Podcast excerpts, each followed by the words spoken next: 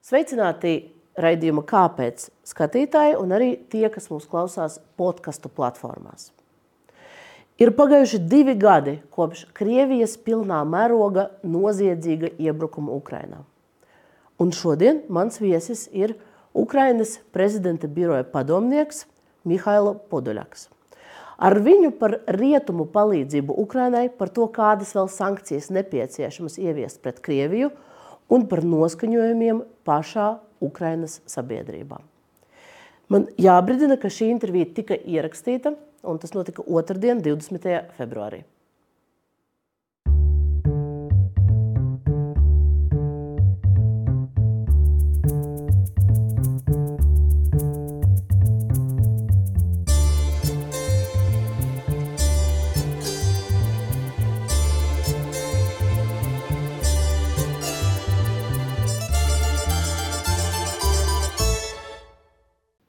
Господин Подоляк, добро пожаловать в эфир Делфи. Здравствуйте, здравствуйте.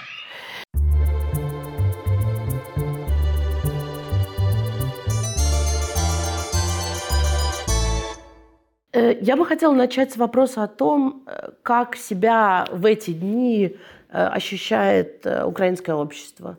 Как можно вкратце ну, описать состояние сейчас?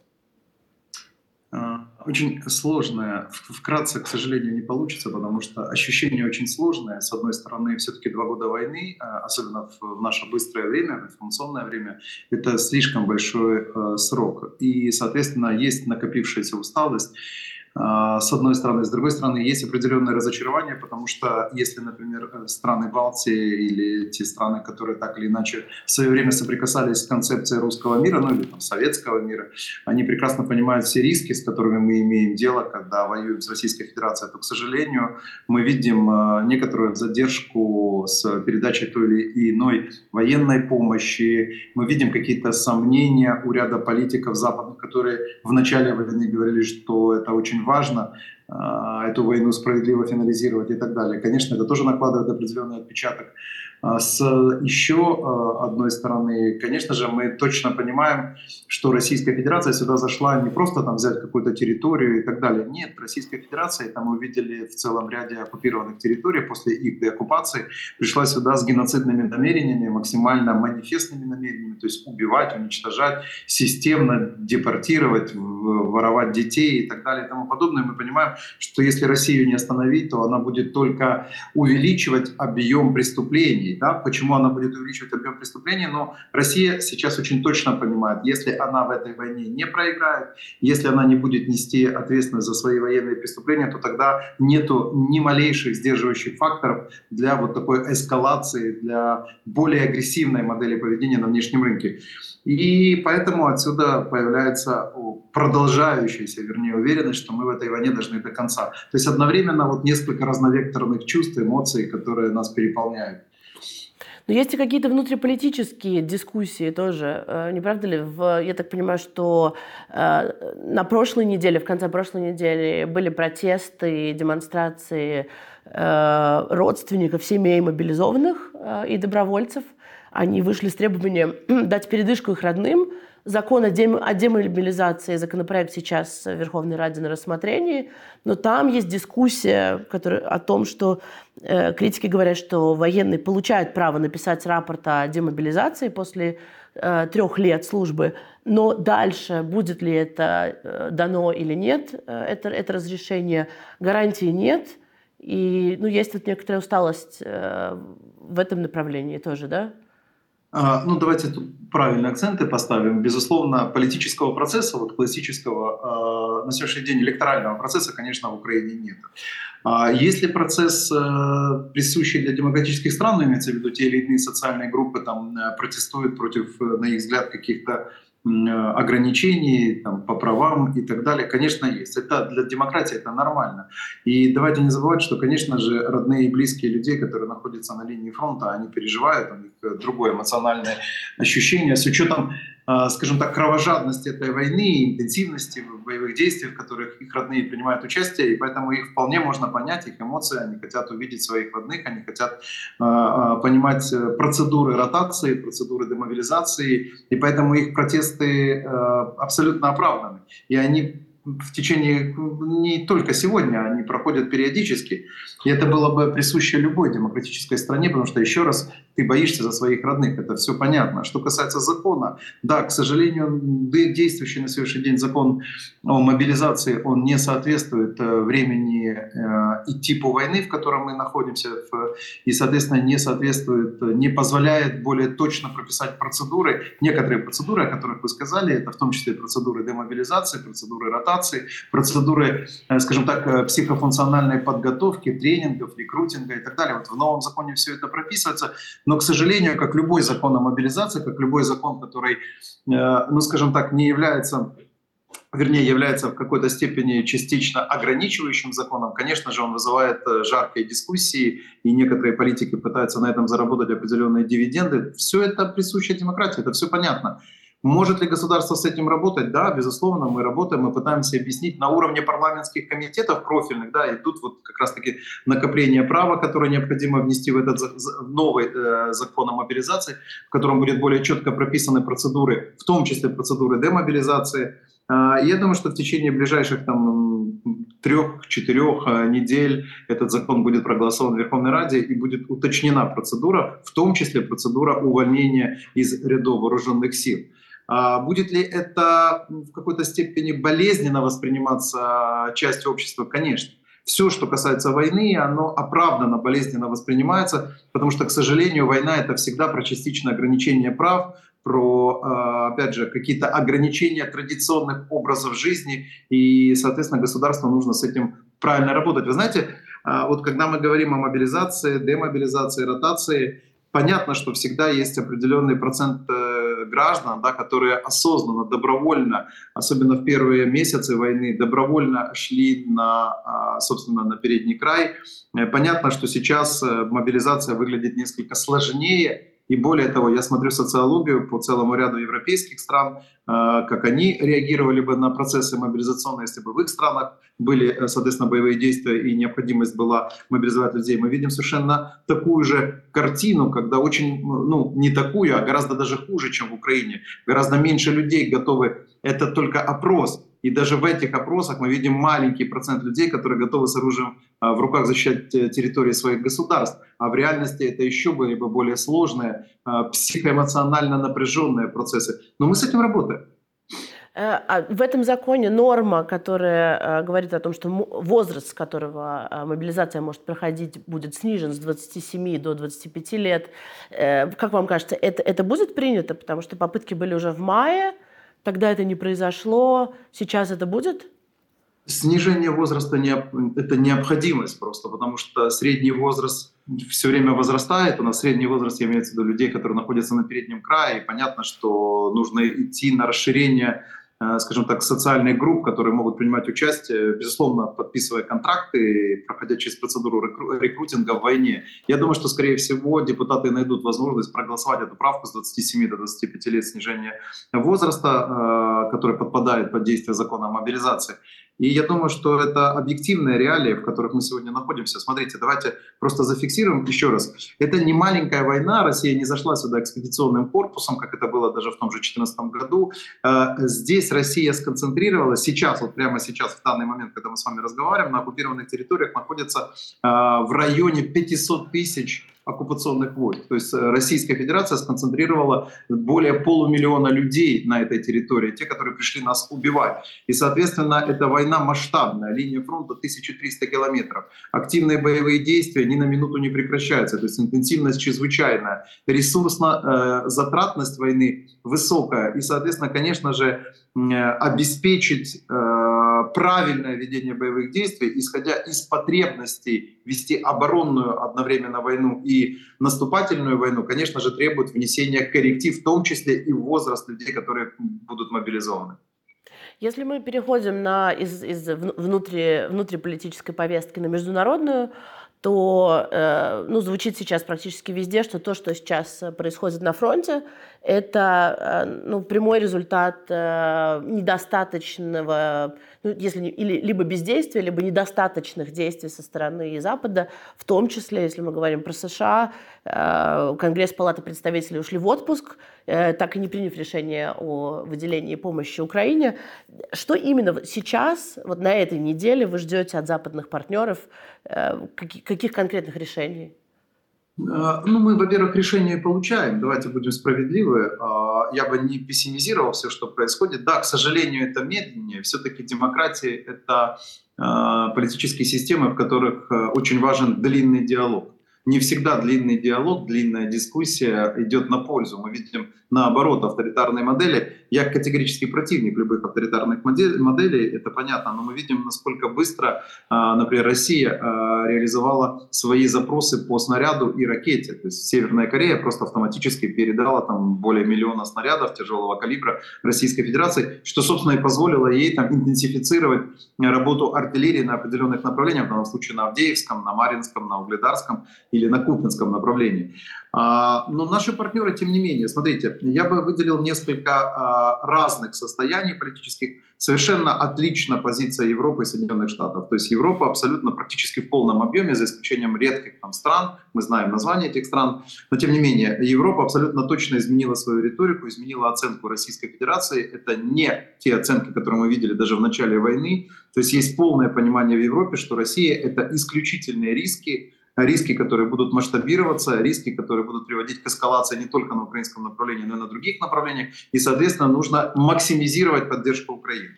Это проявляется во втором, да, это проявляется в увеличении военных национальных бюджетов помощи. Я, кстати, буду делать отсылку к госпоже премьер-министру э, Дании Фредериксена. Она, на мой взгляд, на Мюнхенской конференции сказала абсолютно четкую, внятную, конкретную вещь, которую должны были бы услышать и другие премьеры, министры, президенты других стран мы передадим Украине всю артиллерию, и давайте будем откровенны, у Европы на складах есть оружие, которое сейчас нужно хранить не на складах, а нужно передать на поле боя в Украину. Это абсолютно правильная оценка того, что происходит. Так вот, а, национальное правительство многих европейских стран увеличивает свои бюджеты, это очевидно, но есть одна проблема, и это третья. Это, к сожалению, лет там 10-15 назад была допущена фатальная ошибка. Европейские страны посчитали, что такого типа войны на территории Европы быть не может, и поэтому не нужно инвестировать достаточные объемы денег военное производство, накапливать военные ресурсы в больших количествах и так далее. То есть на экспедиционные корпуса всегда были ресурсы, а вот на масштабную войну нет. И сейчас эти производства нужно резко наращивать. Ну вот это, это второй, третий процесс, это наращивание военных производств, инвестиций. А это все-таки, к сожалению, процесс не быстрый. То есть нельзя сегодня сказать, а завтра, в принципе, получить производство. И вот здесь бы мне хотелось, чтобы все-таки чуть-чуть меньше было бы слов, да, а скорость принятия логистических конкретных решений. То есть там выдача лицензий, выдача разрешений, э, четкое э, обсуждение конкретных бюджетов, которые идут на финансирование, например, снарядных программ или ракетных программ а, были бы более быстрыми. Ну и плюс, конечно же, чтобы эта техника действительно не оставалась на складах, потому что мы прекрасно понимаем, что очень много европейских стран хранят на складах, а шла на поле боя. Почему это важно? Потому что для меня загадочно звучит всегда рефрен о том, что давайте будем готовиться к войне с Россией через 3-5 лет э, на территории стран НАТО. Но это для меня это непонятно, потому что война с Россией, где Россия сейчас тратит военный ресурс в полном объеме, идет. И вы можете сейчас окончательно этот ресурс российский уничтожить, военный. И, соответственно, тогда не придется воевать на других территориях в своих странах с Российской Федерацией. Вот хотелось бы, чтобы вот эта странная позиция, давайте готовиться к войне с Россией, вместо того, чтобы выиграть эту войну с Россией, которая уже идет, она нас несколько, ну, как бы вводит в странное ощущение непонимания еще у кого-то того, каким кризисом это приведет в будущем. Ну и, наконец, все, что касается Соединенных Штатов, мы прекрасно понимаем, что это внутренняя повестка. К сожалению, внутренняя повестка сегодня, которая предопределяет будущие стартовые позиции в президентской кампании, она доминирует, намного более объемно доминирует, чем внешняя повестка. К сожалению, внешняя повестка, это поддержка Украины, Израиля и Тайваня, а, стала заложником этой внутренней повестки. Но, тем не менее, так работают демократии. Наша задача по пояснить, э, в том числе американским партнерам, что инвестиции в Украину, тем более в таком, э, скажем так, размере, это 7% от военного бюджета, бюджета Пентагона. А, соответственно, это инвестиции в репутацию Соединенных Штатов, в репутацию страны, которая действительно является глобальным лидером, и страны, которая определяет правила, в рамках которых живут другие страны. Если мы говорим о США, то там на финишную прямую со стороны республиканцев уже очень явно выходит э, Дональд Трамп. И здесь э, многие э, лидеры э, в Европейском Союзе говорят, что ну, такая перспектива у них вызывает опасения. Вопрос, вызывает ли опасения у вас, что Трамп может стать президентом США еще раз? А, не готов комментировать внутреннюю повестку Соединенных Штатов, потому что это только кандидатские а, еще позиции. То есть э, давайте дождемся результатов, финальных результатов выборов для того, чтобы говорить о том, какова будет, э, скажем так, внешняя политика, в том числе Соединенных Штатов на сегодняшний день. И это второе, мы видим абсолютно внятное понять, понимание того, что происходит в Украине со стороны и республиканской и демократической партии. Да, они ведут дискуссию между собой, да, они используют это в рамках внутренней Э, повестки, но тем не менее они прекрасно понимают, к чему все может привести, если Украина не выстоит в войне против Российской Федерации. Ну и э, третье для нас очень важно, мы же прагматично подходим, нам надо работать со всеми, нам надо объяснять э, позицию Украины, объяснять позицию важности поддержки Украины, в том числе с точки зрения национальной безопасности тех стран, с которыми мы работаем. То есть, грубо говоря, для нас, для меня вообще это выглядит несколько нелепо, что приходится объяснять, конечно, очевидную вещь. Смотрите, ну, Россия считается оппонентом для стран демократии. Россия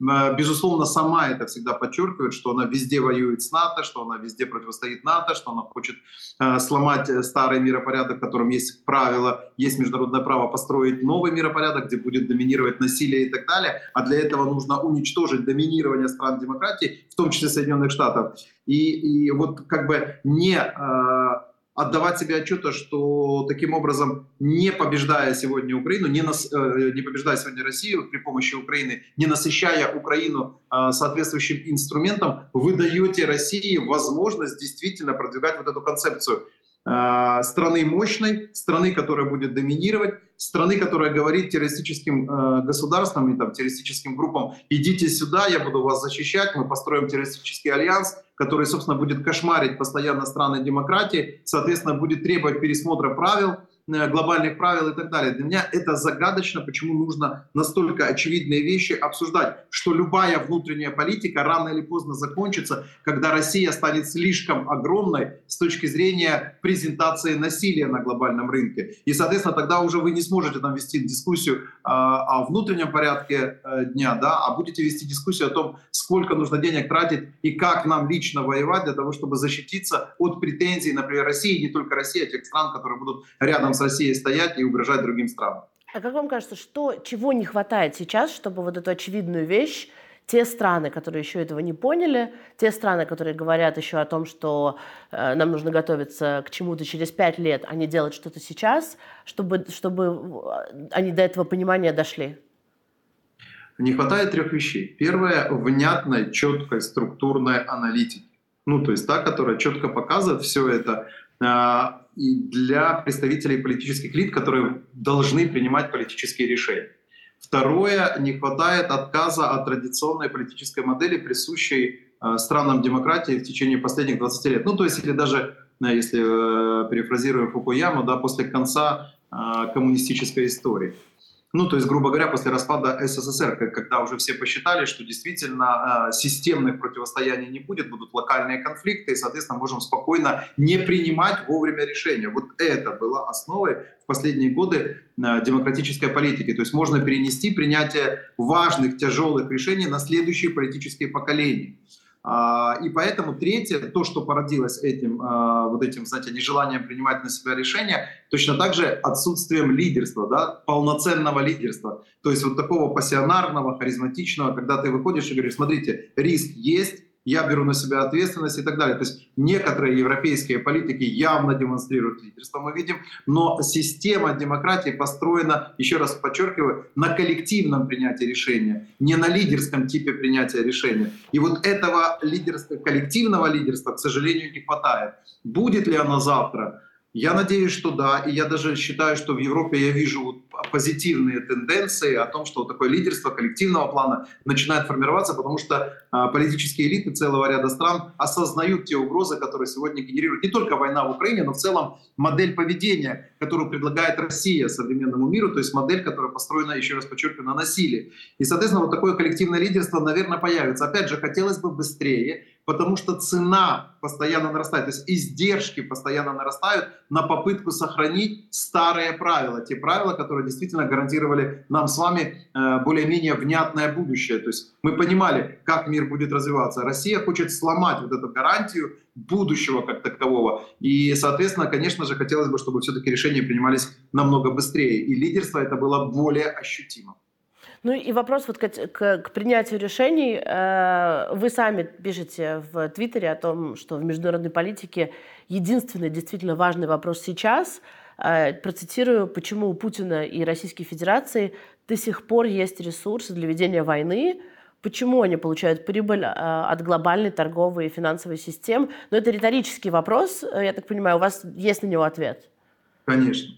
Ответ то, что Российская Федерация пока не является оправданно не является изгоем, который э, изолирован, от, реально изолирован, не эффективно изолирован, а реально изолирован от э, любых рынков. Смотрите, Россия должна быть э, изолирована от возможности присутствовать в Совете Безопасности ООН или на любой другой международной площадке, где она промоутирует насилие как концепцию. Второе. А, в Российской Федерации не могут работать европейские белые компании. Это вообще какое-то кощунство. То есть вы одновременно помогаете Украине для того, чтобы она строила систему обороны от явно э, инициативной геноцидной войны, э, предложенной Российской Федерацией, которая нарушает международное право. И в то же время ваши компании, не стесняясь, работают на потребительском рынке, отдавая существенные налоги на федеральный бюджет. Ну, то есть отправляя в федеральный бюджет 42-57% которого уже является прямым милитарным бюджетом. Да? Ну, то есть идут непосредственно на рекрутинг, на мобилизацию, на военное производство. Для меня это потрясающе кощунственно выглядит. Третья составляющая – санкции. Да, санкции частично работают, но в то же время нету контрсанкций по тем компаниям, частным компаниям, опять же, с любой юрисдикцией, которые позволяют России получать микрочипы для воспроизводства тех же калибров или искандеров. Мы видим калибры, которые изготовлены в э, четвертом квартале 2023 года или в первом квартале 2024 года, комплектующие которым поставляются стран демократии в том числе. Это потрясающе выглядит. Дальше на рынке продолжает спокойно торговаться российская сырая нефть. Да, частично заблокирован белый танкерный флот, а серый танкерный флот работает абсолютно нормально. Россия может продавать с демпингом. Дальше. Российские представительства работают во многих странах. Российские посольства, консульства работают во многих странах и, соответственно, проводят там подрывные работы, информационные, киберподрывы и так далее и тому подобное. И все это как бы толерируется. Более того, смотрите, цинизм ситуации проводит организация, а, занимающаяся оценкой рисков безопасности общего европейского континента, ОБСЕ. А, заседание, на которое обязательно приглашает российскую делегацию. Россию, которая ломает сегодня Европу, угрожает Европе, проводит мероприятия против Европы, имеется в виду, опять же, информационные, дипломатические, кибермероприятия, ведет горячую войну, максимально масштабную, в Восточной Европе, но тем не менее приезжает представитель России Лавров и находится в Скопье, в, в Северной Македонии и активно промоутирует свои, э, свои позиции. Это немыслимо просто. То есть и вот этот, знаете, как бы двойственность. С одной стороны, правильные оценки, правильные шаги, заморозка активов. Это, кстати, еще одна тема. То есть все-таки эти активы должны были бы работать для финансирования а, отражения агрессии России. Я надеюсь, что эти решения все-таки будут приняты, тем более, что мы видим там позитивную тенденцию. Но тем не менее, два года войны. Два года войны, а Россия спокойно зарабатывает ресурсы на глобальных рынках спокойно продает свои товары, спокойно промоутирует концепцию войны как таковой. Более того, международные организации выходят и говорят, смотрите, так а спортсмены же не политики. А давайте-ка тем спортсменам, часть из которых работает в российской армии, которая непосредственно причастна к убийству украинских спортсменов, давайте мы им под нейтральным флагом разрешим, чтобы они в кровавой одежде приходили на Олимпиаду в Париже, например, и четко промоутировали, война — это добро, Война — это правильно. Война — это убийство граждан другой страны, потому что мы так хотим делать. Вот это все разлагает, э, скажем так, вот то, что мы говорили чуть выше, разлагает политические элиты целого ряда стран, и они медленнее, чем необходимо, принимают фундаментальные решения о том, как эта война должна дальше развиваться, какими ресурсами должна располагать Украина и что должно произойти в итоге с Российской Федерацией.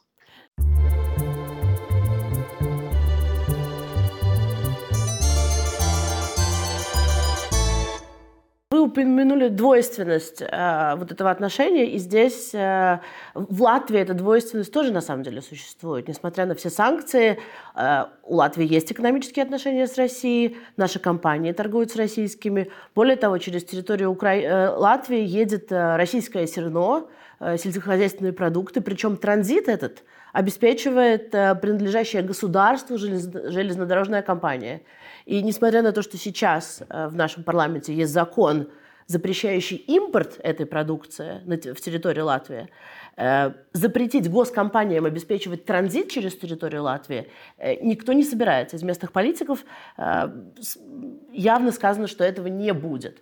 Обоснования все равно другие кто-то будет возить. Как вы готовы прокомментировать вот такую, такую позицию, которая в Латвии у нас существует? А, знаете, в этом и есть трагедия современного человечества, и в принципе всегда была э, трагедия человечества. Это э, двойственность и избирательность подходов там, где нужно давать непримиримые, вернее, занимать непримиримые позиции. Потому что это поощряет убийцу совершать убийство. Ну, потому что Россия всегда может сказать, смотрите, ну мы же торгуем, мы же провозим, мы же делаем, значит, вы можете делать любые заявления, но когда касается вопрос денег, все, все будет решено.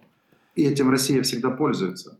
Она разлагает, разлагает страны демократии, разлагает единство. И поэтому Россия ведет себя настолько нагло. И сейчас ведет себя нагло. Она понимает, что в любом случае она так или иначе не будет полностью изолирована. А вот эта изоляция привела бы ее к краху.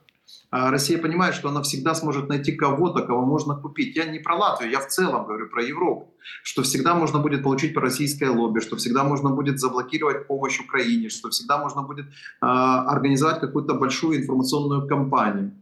Двойственность порождает очень чудовищные последствия. Но, к сожалению, для того, чтобы это оценить, нужно иметь определенный внутренний мир. Нужно понимать, что ситуативно ты выигрываешь, зарабатывая там, премиальную коррупционную премию или просто премию на транзите российского сырья или там, транзите российского зерна, но в среднесрочной перспективе ты получишь гигантские проблемы, в том числе у себя на территории. В этом была, кстати, проблема Украины долгое время. Давайте мы будем откровенны. Украина после распада СССР не захотела полностью построить действительно субъектное суверенное государство. Оно оставалось, она оставалась как государство в частичной экономической зависимости от России. То есть открытые границы, большие объемы совместных производств, транзитивные отношения, очень такие глубокие, транзитивные, с большим элементом коррупционных составляющих. Все это в итоге привело к вот такой трагедии, в которой мы сегодня находимся,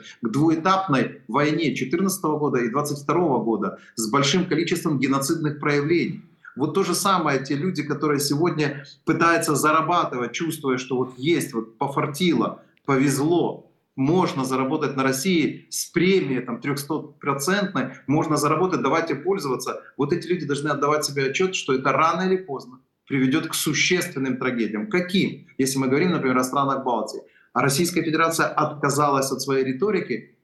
Нет. Российская Федерация отказалась от своих угроз, она отказалась от того, что хочет доминировать в Балтийской акватории или странах Балтии. Она отказалась вот от этой своей никчемной концепции захватить э, коридор к Калининграду сухопутный, полноценный. Нет. И, соответственно, тот, кто не отдает себе отчета, и вот, допустим, Россия, пользуясь тем, что там или там, или в одном или в другом месте э, ей дают послабление, она имеет возможность финансировать войну, она будет эту войну вести против Украины, она будет дожимать Украину, так она потом остановится, да, кто-то считает, в той же Латвии, вы считаете, что Россия остановится? Она, захватив Украину, уничтожив здесь большое количество населения, граждан, не понеся за это никакой ответственности, не понеся ответственности за военные преступления, Россия вдруг скажет, ну все, мы не хотим больше воевать.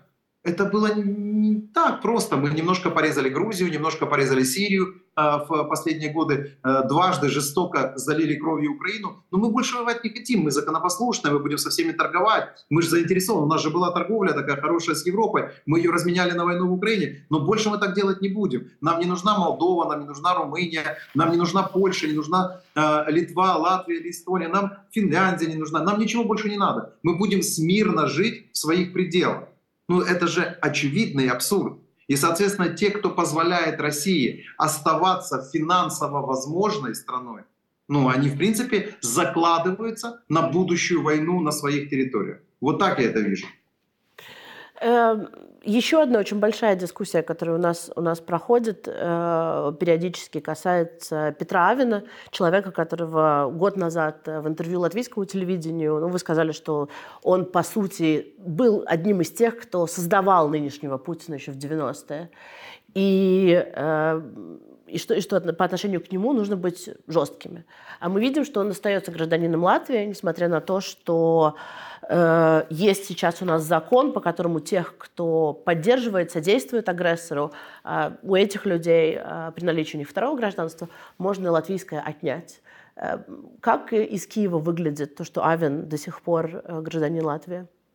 Негативно выглядит, если просто мое, мое оценочное суждение нужно. Конечно же, это выглядит негативно, но я не могу давать советы э, суверенному государству, оно само вправе определять, насколько ей репутационно, ему репутационно выгодно иметь отношения с тем же э, господином Авином или с кем бы то ни было другим. У нас отношение к бывшим акционерам Альфа-банка, ну или действующим акционерам, я не готов сказать, потому что они там многократно меняли диспозицию юридическую Альфа-банка. У нас э, соответствующие события произошли, эти субъекты лишены возможности так или иначе пользоваться Э, украинскими юрисдикциями, национализированы их бизнесы, которые имели место э, в Украине, и я имею в виду и Фридмана, и Авина, ну и, соответственно, крайне негативное к ним отношениям, как к персонажам, которые действительно, давайте будем объективны, эти оба э, человека активно инвестировали в Путина, активно продвигали Путина в начале 2000-х, в середине 2000-х,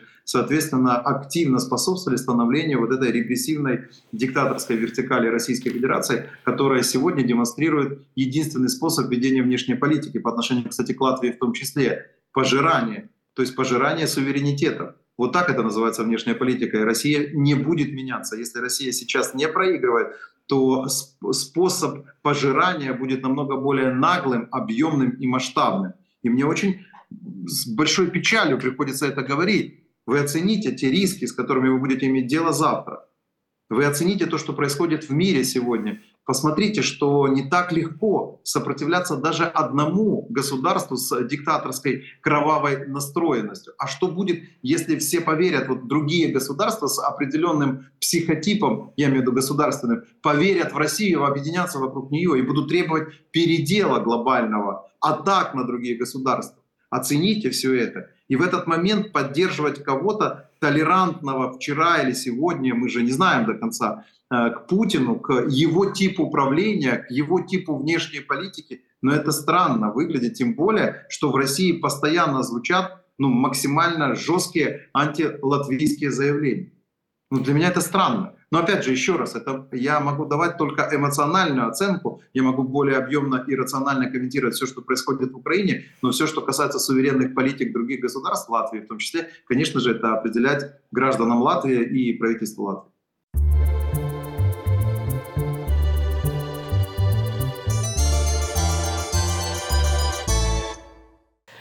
Год назад в том же интервью ЛТВ вы говорили, мы уже, мы уже коснулись немного России, России как государства, их э, э, ну, направленности, скажем так, то э, и будущего, то э, год назад вы говорили о том, что э, нужно жестко подавлять российские войска, чтобы э, россияне у себя получали похоронки, э, чтобы они боялись не только Украину, но и Европу. Э, и я так поняла, надежда была, что тогда ну, что-то изменится. Но похоронки приходят, причем в огромных количествах, потери э, там очень серьезные, но никакого внутреннего движения не происходит, или оно Давайте незначительное? Ничего не изменилось. Количество уничтоженных россиян, э, я имею в виду э, вооруженных оккупационных войск должно быть намного больше. Ничего не изменилось. Более того, а, мы увидели, насколько гнилой режим, я напомню, лето 2023 года, поход из Ростова на Москву Пригожина, а, небольшого количества, кстати, там 3,5-5,5 тысяч всего было, а, обнаружила для нас всех, что силовая вертикаль в России достаточно слабая. Да, она объемная, она может воевать против, э, скажем так, невооруженной оппозиции, она может давать там гигантские сроки, но как только начинает работать системная военная оппозиция, вся эта вертикаль быстро засыпает. Вторая составляющая, к сожалению, к сожалению, убийства должны быть, убийства, я имею в виду оккупационных войск, должны быть более масштабными, как показывает. Почему? Потому что в России, у России действительно нет цены этой войны. То есть Путин прямо говорит, нам без разницы, мы будем идти, идти, давить и давить, а, миллион отправим, еще мобилизуем. Это, кстати, касается непонимания тех рисков, с которыми Европа будет иметь дело. Вот потому что когда я вначале говорил о том, что описывается это, мы должны готовиться к конфликту стран НАТО с Российской Федерацией. А кто должен готовиться? Российская Федерация получит 2-3 миллиона людей, упивавшихся кровью Украины. То есть людей, которые пройдут боевые действия, которые заинтересованы в грабежах, насилии, в беспределе. Вот эта э, трехмиллионная толпа абсолютно точно, которая будет вскормлена уже войной, и которая, безусловно, вы ее не сможете вернуть, потому что война — это беспредел. Вы ее вернуть в какие-то мирные условия трудовые, тем более, что в российской периферии нету где зарабатывать деньги. И вот эта толпа, которая ощутила вкус грабежа, вкус насилия, вкус массовых убийств, пойдет в Европу. Кто будет ей противостоять? Я хочу просто это понять. Ну и, соответственно, безусловно, когда у вас не хватает артиллерии, когда у вас не хватает дальнобойной ракеты, главное же не спровоцировать Россию. Ну, то есть Россия может уничтожать города Украины, а Россию уничтожать на территории Украины в гораздо большем объеме нельзя дальнобойной ракетой, потому что это эскалация войны. Я сейчас сарказмом говорю и так далее. Так вот, недостаточно этого инструмента просто. Потому что количество уничтоженной российской техники и военнослужащих должно быть намного больше. И тогда это будет вызывать, ничего, еще раз подчеркиваю, не изменилось, и тогда это будет вызывать панические настроения. Потому что тогда люди будут понимать, это похоронки. Мало того, что они массово идут, так эти похоронки еще говорят о том, что продвижение России в обратную сторону идет. Имеется в виду, что когда ты уничтожаешь много, то тогда Россия не может количественно воевать. Сегодня по линии фронта мы видим, что делает Россия. Она воюет, она отказалась от всяких там креативностей, высокотехнологичности, от всех этих разговоров, которыми она долгое время пугала Европу, и Европа стояла, по сути, на бизнес-коленях перед ней. Сейчас оказалось, что Россия воюет точно так же, как всегда воевала. Количеством людей, которые, которыми можно э, заложить поле, да, убитых людей. Вот она количественно давит, давит, давит на всех направлениях. А у нас дефицит снаряда, мины, дефицит ракеты, дефицит дрона. Вот это нужно решать. Вот когда вот ее давление будет максимально жестоко уничтожаться, и когда это давление будет давать обратный результат, они давят и постепенно отступают, а количество похоронок все нарастает, вот тогда мы с вами увидим реальные события в Российской Федерации. Но тут очень важно понять, но ждать то, что Россия вдруг, еще раз подчеркиваю, на фоне сегодняшних событий вдруг станет такой, как была даже до полномасштабного вторжения, более наивного и инфантильного политического поведения, наверное, трудно ожидать от кого-либо. Ну, достаточно много сейчас голосов, э, в том числе и различных э, аналитиков, э, которые говорят, которые ждут от российского общества некой инициативы свержения режима. Эти разговоры до сих пор есть, несмотря на реальность. Диктатуры не свергаются через электоральные процедуры. Диктатуры не свергаются через качественные аналитические колонки в масс-медиа. Диктатуры не свергаются подписью за э, дивного кандидата Надеждина, считая, что вот мы выполнили свою миссию. Путин ведет полноценную кровавую большую войну. Путин полностью обнулил внутренний рынок. Там нету никакой конкурентной политики, ничего нет. Путин демонстративно убивает Навального ну, то есть главного, по сути, оппонента, который является намного более пассионарным и более, э, скажем, ярким по сравнению с Путиным, делает это действительно публично. И, соответственно, единственный способ заменить вот эту всю вертикаль, обнулить ее, это кровавая революция. Кровавая революция тоже должна быть подготовлена, она не может быть спонтанной. Она может стать спонтанной только в случае существенных тактических поражений по линии фронта, когда большая толпа вооруженных людей, обозленных вооруженных людей, российских мобилизованных, э, вернется в свою страну и начнет беспредельничать. Тогда да, тогда, но это будет уже не революция осмысленная, ценностная, а бунт, скорее всего. И более того, я бы сказал, что не вижу ни одного, ни одного варианта развития событий осмысленной ценностной революции, потому что костяка революционного у российской оппозиции нету. Это ведь на самом деле сегодняшняя оппозиция российская, это ведь э, люди, которые готовы анализировать, рассуждать, а, проводить э, ивенты, да, ну имеется в виду там, там какие-то креативные в социальных сетях, и так далее. Это не те люди, которые готовы построить инфраструктуру уличного сопротивления. Мы это видим, к сожалению. Мне бы хотелось, чтобы было по-другому. И я считаю, что в Российской Федерации есть 10, 15, возможно даже 20 процентов людей, которые совершенно э, соответствуют современному миру, ну, современной цивилизации, абсолютно точно занимают антивоенные позиции, абсолютно точно негативно относятся к Путину и всегда относились, но эти люди не готовы к тому типу скажем так, внутренней войны в России, к типу гражданской войны, которая всегда э, следует за попыткой построения диктатуры. Путин построил классическую диктатуру. Это даже не авторитаризм. Это диктатура кровавого типа, неосталинизм, такой немножко абсурдный, но тем не менее. Его нельзя свергнуть, еще раз подчеркиваю, письмами диссидентскими. И его нельзя свергнуть хорошими выступлениями на Мюнхенских безопасностных конференциях. Его можно свергнуть только двумя путями. Еще раз э, буду об этом говорить. Первое — тактические поражения обвальные и бегство большого количества вооруженных людей на территорию России, беспредел там. Или через кровавую, еще раз подчеркну, кровавую революцию в самой России. Но для этого нужна соответствующая инфраструктура. И, и эти два сценария, на ваш взгляд, э, теоретически возможны, потому что мы говорим здесь о том, э, и в Латвии тоже, Э, что должно, как должна выглядеть Россия для того, чтобы ее соседи уже после победы Украины чувствовали себя и дальше безопасно. Это, это, это, это, это просто смерть Путина, это смена, просто смена режима, это распад России на какие-то регионы. Как должна вот эта вещь выглядеть? Хороший вопрос. Это, безусловно, смена элиты. Смерть Путина при оставшейся элите, например, патрушевского типа, это не изменение условий существования России. Это смена а, полностью элиты.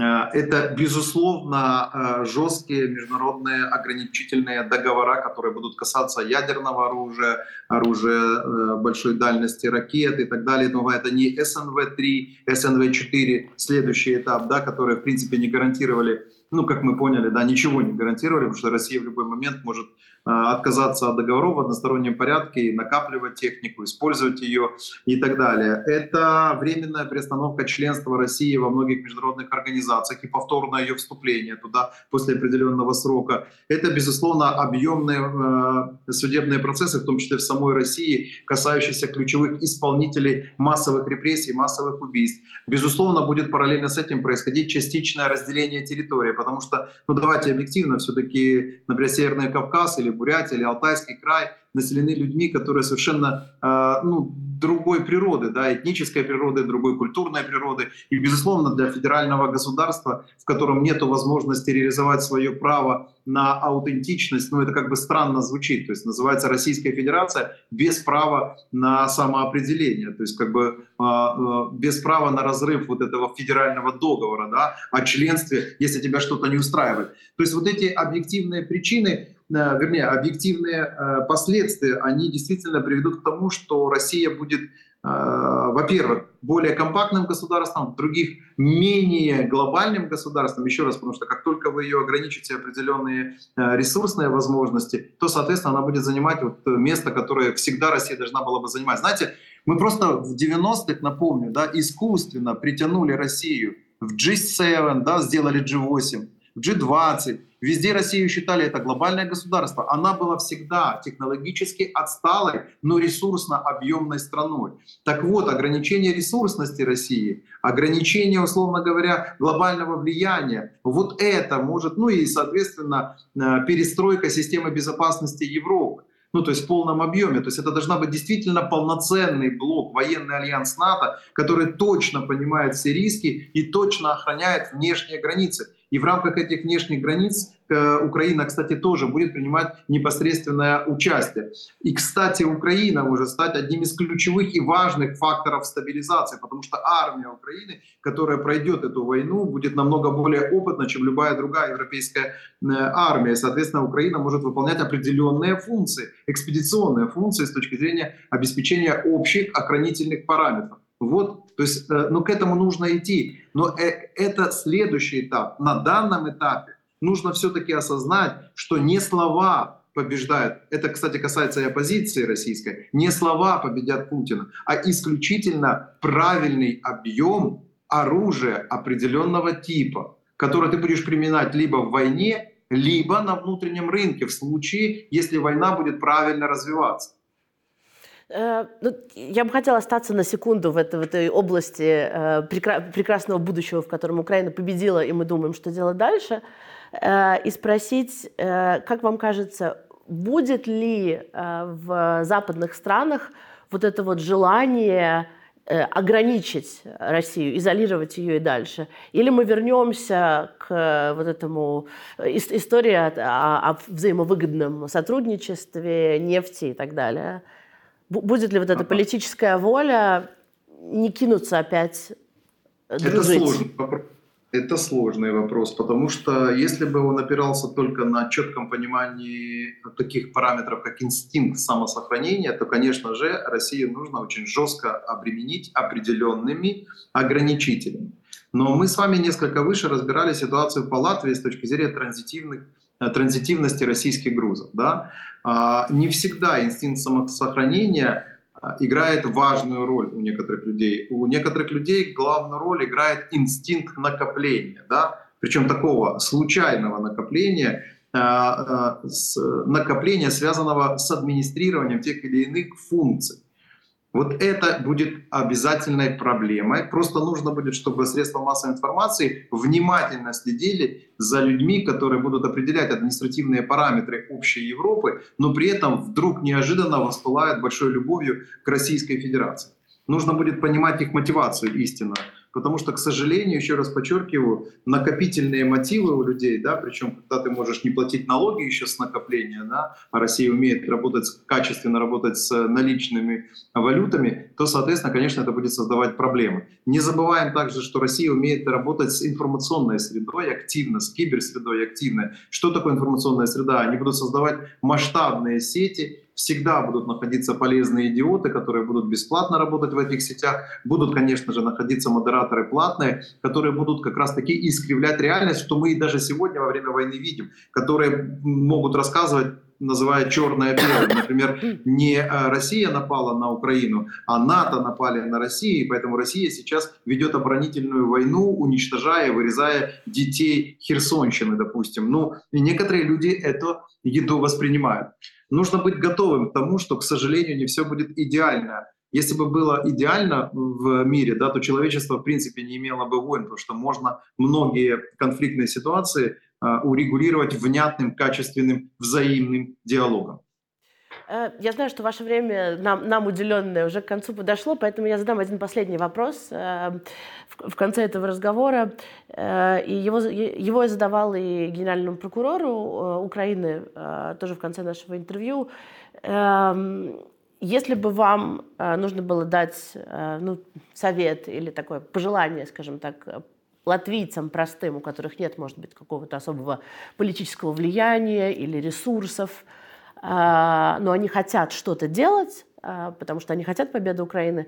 А, что бы вы посоветовали? Что, что могут делать люди, ну, самые простые граждане? Просто верить в Украину. А когда ты веришь э, в Украину, ты найдешь э, возможности помочь. Кто-то проволонтерит, кто-то организует качественную выставку в поддержку Украины. А это будет такая, знаете, вот когда ты веришь в Украину, веришь в то, что она делает, и, и, и хочешь сам помочь, да, это настолько естественно, то есть ты не ждешь, что кто-то тебе что-то будет говорить, как действовать, куда пойти и так далее. Ты будешь искренен. А вот это, это самое важное, что нам а, необходимо, искренность поддержки Украины. Это если мы говорим не про правительство, мы говорим про простых да, граждан Латвии. Вот если будет много этой искренности, и они будут эту искренность везде нести с собой, и будут всегда говорить «мы и Украина одно целое», этого будет э, более чем достаточно. Спасибо большое. И на, этой, на этом пожелании, на этой ноте э, мы с вами прощаемся. Большое спасибо еще раз за, за да. разговор с нами. До свидания. До свидания. Paldies arī skatītājiem, kas bija ar mums šajā, šajā intervijā. Uh, Mihailo Podaļaks uh, bija ar mums un nu, ņemsim vērā šos vārdus un centīsimies atbalstīt Ukrainu cīņā pret Krieviju un cīņā par uzvaru šajā karā.